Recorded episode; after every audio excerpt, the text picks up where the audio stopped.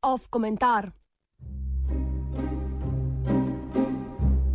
V slavo in čast najstarejši obrti.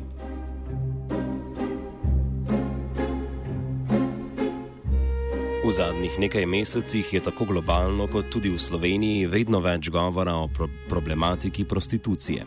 Mnenja tako strokovnjakov kot javnosti se klešajo predvsem, ko pride do zakonskega urejanja prostitucije.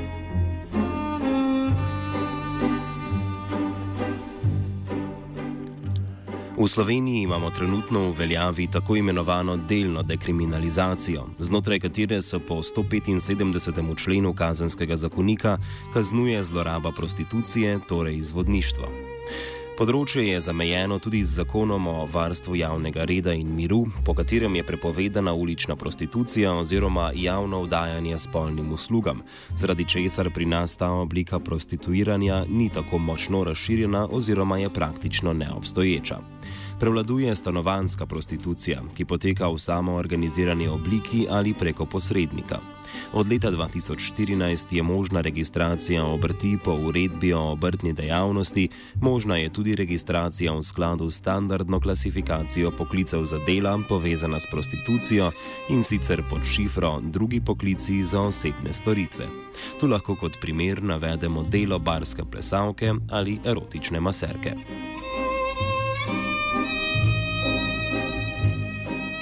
Trenutno se z zakonsko situacijo v Sloveniji, ki mimo grede dopušča tudi nemoteno oglaševanje nočnih klubov in erotičnih masažnih salonov, ukvarja več organizacij. Te pa se v spremembah, ki bi jih bilo potrebno uvesti, ne strinjajo. Na enem polu svoj v teoriji precej privlačen, a v praksi neravno delujoč predlog ponujata Amnesty International in Mirovni inštitut.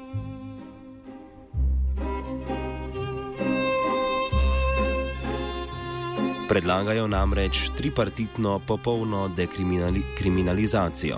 Za razliko od legalizacije, v kateri je prostitucija zakonsko regulirana, gre pri tej ureditvi za popolni izbris prostitucije iz vseh kazensko-pravnih zakonov. Prav tako je iz zakonov izbrisano zvodništvo. S popolno dekriminalizacijo se ne borijo za izkoreninjanje prostitucije, ampak za prepoznavanje podajanja in kupovanja spolnih storitev kot ekonomske aktivnosti, kjer je cena prostitucije na trgu regulirana na podlagi ponudbe in popraševanja. Ženske spolne usluge si lahko v državah, kjer je prostitucija legalizirana, privošči vsak. Kot primer lahko izpostavimo Nemčijo, kjer zaradi nasičenosti trga s spolnimi delavkami cena spolnega akta brez kondoma pade tudi na sramotnih 5 evrov.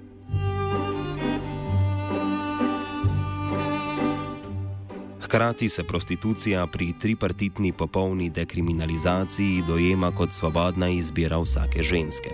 Eden izmed ciljev te ureditve, pri kateri se lahko spolna delavka registrira za poklic, ki ga opravlja, zvodnik pa je primoran plačevati davke, je menda odprava stigme poklica prostitutke. Če neka dejavnost ni v zakonu navedena kot kriminalna, seveda ni stigmatizirana. Vsekakor popolnoma logičen sklep, kaj ne? A seveda ta predlog ni tako bleščeč, kot ga ponujajo.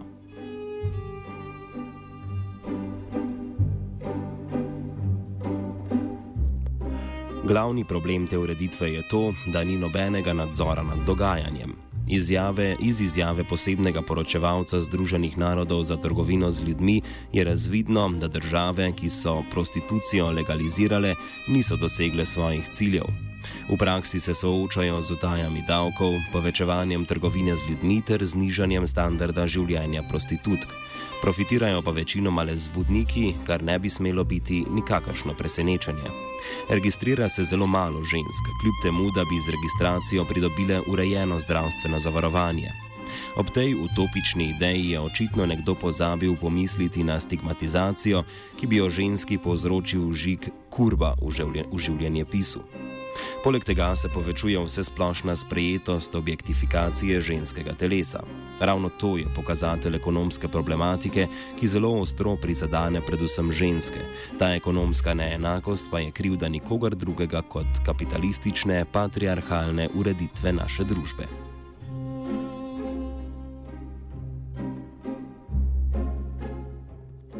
O legalizaciji prostitucije se zelo radi oglašajo liberalni misleci in organizacije, ki povdarjajo pomembnost izbire.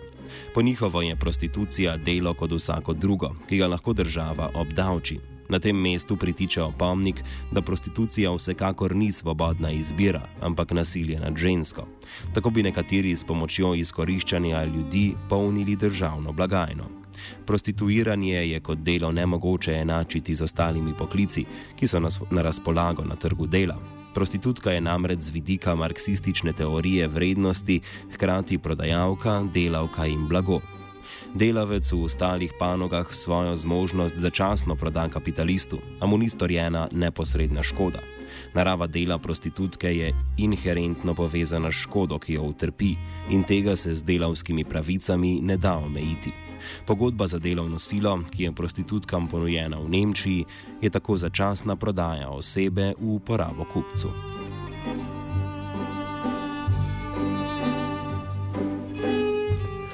Glavni očitki strani pristašev legalizacije, ki letijo na naslednji model, so večja stigmatizacija in marginalizacija prostitutk ter umik prostitucije na črni trg. Tu je govora o nordijskem modelu, ki ga na drugi strani podpirata ženski lobby Slovenije in društvo Ključ. Po tem modelu, kjer je prostitucija kriminalizirana, se jim se kaznuje zvodnika ter uporabnika, ne pa same prostitutke. Ta način urejanja prostitucije izhaja iz ideje, da je prostitucija kršitev človekovih pravic, prostituirane osebe pa le žrtve, oziroma pa žrtve le te, zato se jih ne sme kaznovati. Na ta način se poskuša obseg prostitucije omejiti in ravno zato je kupovanje in posredovanje usluh kaznivo. Pri nordijskem modelu je velik podarek tudi na programih za izhod iz prostitucije, ki ženskam pomagajo pridobiti tako izobrazbo kot dostojno delo, kjer ženska ne bo izpostavljena celi vrsti psihičnih, fizičnih in zdravstvenih težav.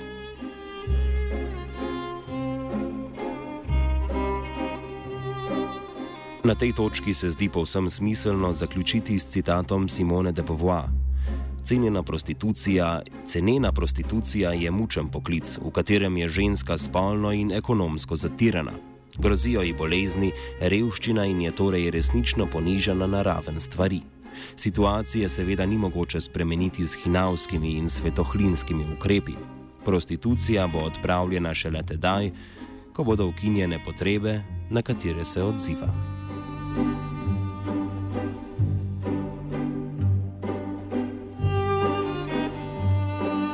Komentira la Irina.